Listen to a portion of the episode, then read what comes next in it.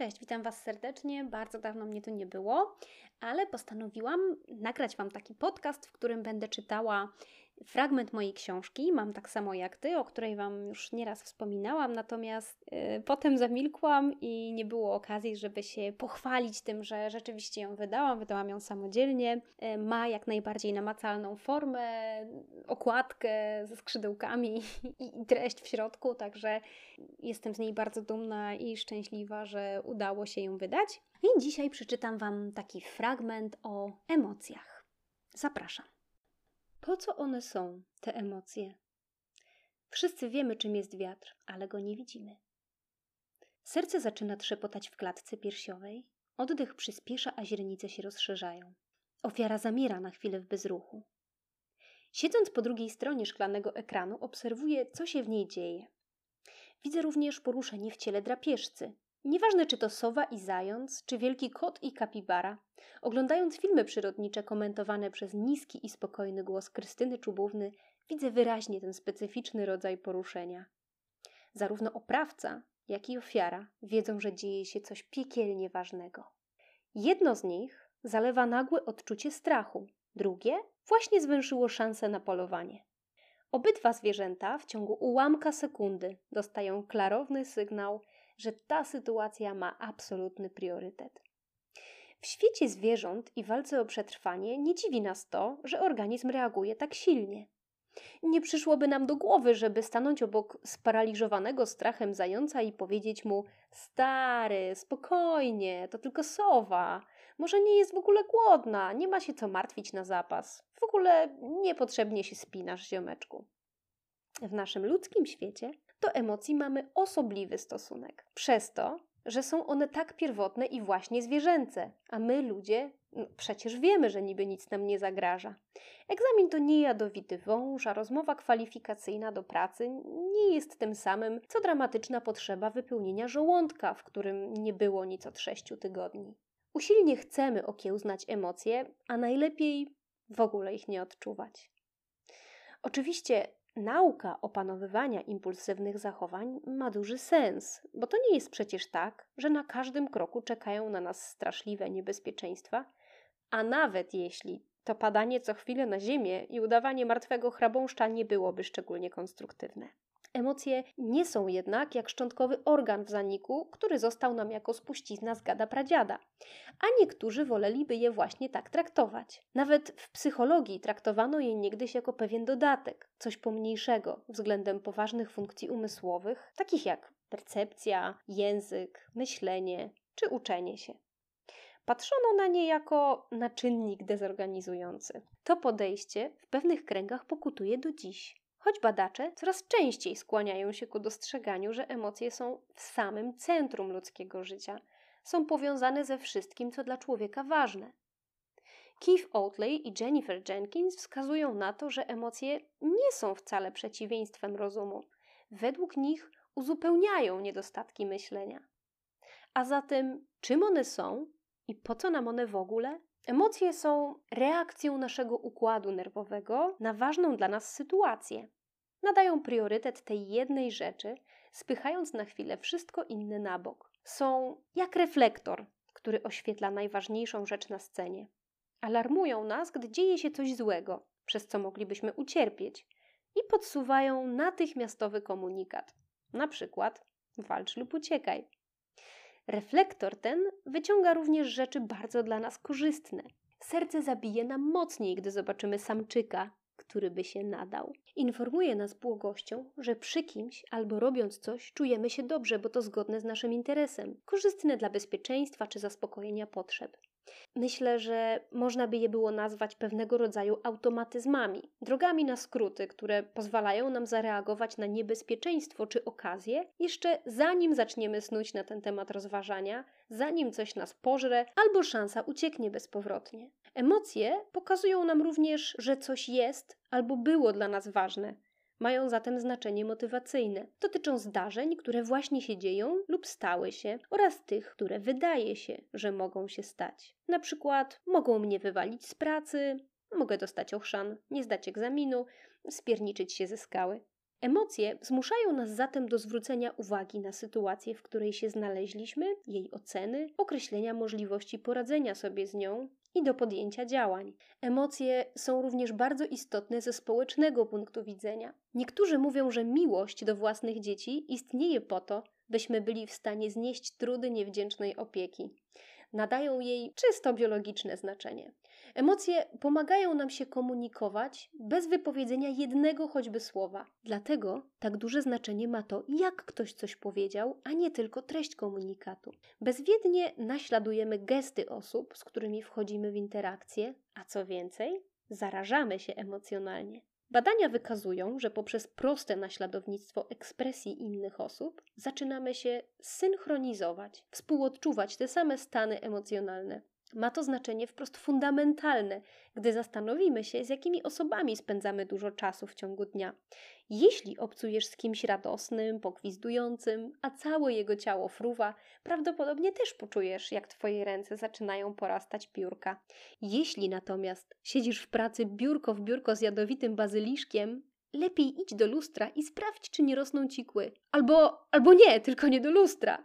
Podobno osoby mające silniejsze tendencje do zarażania się emocjonalnego odczuwają tak silny dyskomfort, gdy widzą cierpiącego człowieka, że nie są w stanie efektywnie mu pomóc. Warto wziąć to pod uwagę, jeśli planuje się karierę jako psychoterapeuta, ratownik medyczny albo lekarz czy pielęgniarka. Zarażanie się jest bardzo pierwotne. Badacze twierdzą, że występuje już u niemowląt ale można, zadając sobie trud nauki, wykształcić w sobie lub w swoim dziecku empatyczne współodczuwanie, które różni się od tego pierwszego. Polega na wyobrażeniu sobie, że jest się w butach drugiej osoby, ale bez ładowania w nie stóp. To wyobrażeniowe przeniesienie się w świat drugiej osoby, czyli empatyczne podejście do drugiego człowieka z barierą ochronną dla swoich emocji.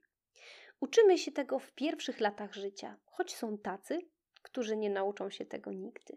Emocje mogą być wzbudzane zarówno przez naszą ocenę zewnętrznej sytuacji, jak również poprzez wspomnienia.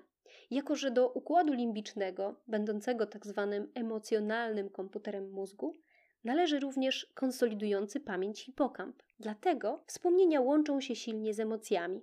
Budzą je także przemyślenia, na przykład gdy rozmyślamy o czyimś zachowaniu i zaczyna nas ten ktoś irytować.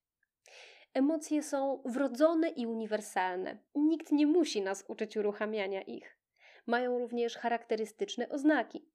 Te same pięć podstawowych emocji strach, gniew, wstręt, smutek i radość rozpoznawanych jest w najróżniejszych kulturach nawet tych, które żyją w izolacji od znanego nam kulturowo świata. Badania nad emocjami wśród plemienia Fore prowadził Paul Ekman i ich wyniki opisuje w swoich książkach, na przykład Emocje ujawnione, Odkryj, co ludzie chcą przed tobą zataić i dowiedz się czegoś więcej o sobie, wydawnictwa Sensus.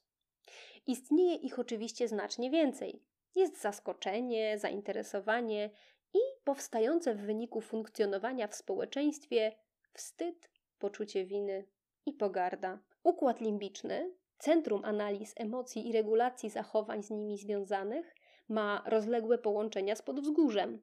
Ono z kolei zawiaduje autonomicznym układem nerwowym, czyli tym, który nie podlega naszej woli, a działa na własną rękę. Sprawia, że serce bije szybciej lub wolniej, oddech przyspiesza lub zwalnia, źrenice się poszerzają i zwężają, zaczynamy drżeć albo pocić się. Podwzgórze steruje również układem hormonalnym przez przysadkę mózgową, a ona z kolei daje sygnał korze nadnerczy, by uwalniała kortyzol, hormon stresu. Jednak tym, co w emocjach zdaje się najciekawsze, jest mechanizm przekształcania reakcji nerwowego układu autonomicznego, czyli szybszego bicia serca, pocenia się czy przyspieszonego oddechu albo zmian napięcia mięśni, na odczucie konkretnych stanów emocjonalnych. Okazuje się bowiem, że reakcje te nie są aż tak specyficzne, żeby po samym tylko ich wzorcu powiedzieć, że oto mamy do czynienia z ekscytacją, a oto z gniewem czy strachem. Wiadomo właściwie tylko, że te negatywne objawiają się silniejszym pobudzeniem, a więc sygnał jest bardziej klarowny.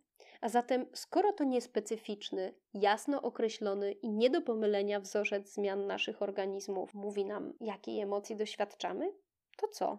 Jednym z najbardziej znanych, choć niestety już leciwych, eksperymentów dotyczących emocji był ten przeprowadzony w latach 60. przez Schachtera i Zingera. Postanowili oni sprawdzić, czy dokładnie taki sam stan pobudzenia może wywołać całkowicie przeciwne emocje. Użyli zastrzyków z adrenaliny. Oczywiście cały eksperyment odbywał się pod przykrywką. Badani sądzili, że biorą udział w teście sprawdzającym wpływ preparatu witaminowego Suproxin na widzenie. Wiesz, jak działa adrenalina? Zapewne obiło ci się o uszy określenie hormon strachu, walki i ucieczki, a może 3F fright, fight, flight. Substancja ta stawia organizm w gotowości. Serce wchodzi na wyższe obroty, rozszerzają się pęcherzyki płucne, źrenice, wzrasta ciśnienie krwi. Podnosi się też poziom glukozy, co zapewnia nam szybką dawkę energii. A zatem badani, którzy dostali strzał adrenaliny, doświadczyli silnej reakcji organizmu. Teraz należało ich postawić w skrajnie różnych sytuacjach i sprawdzić, czy odczuwane przez nich emocje również będą skrajnie różne.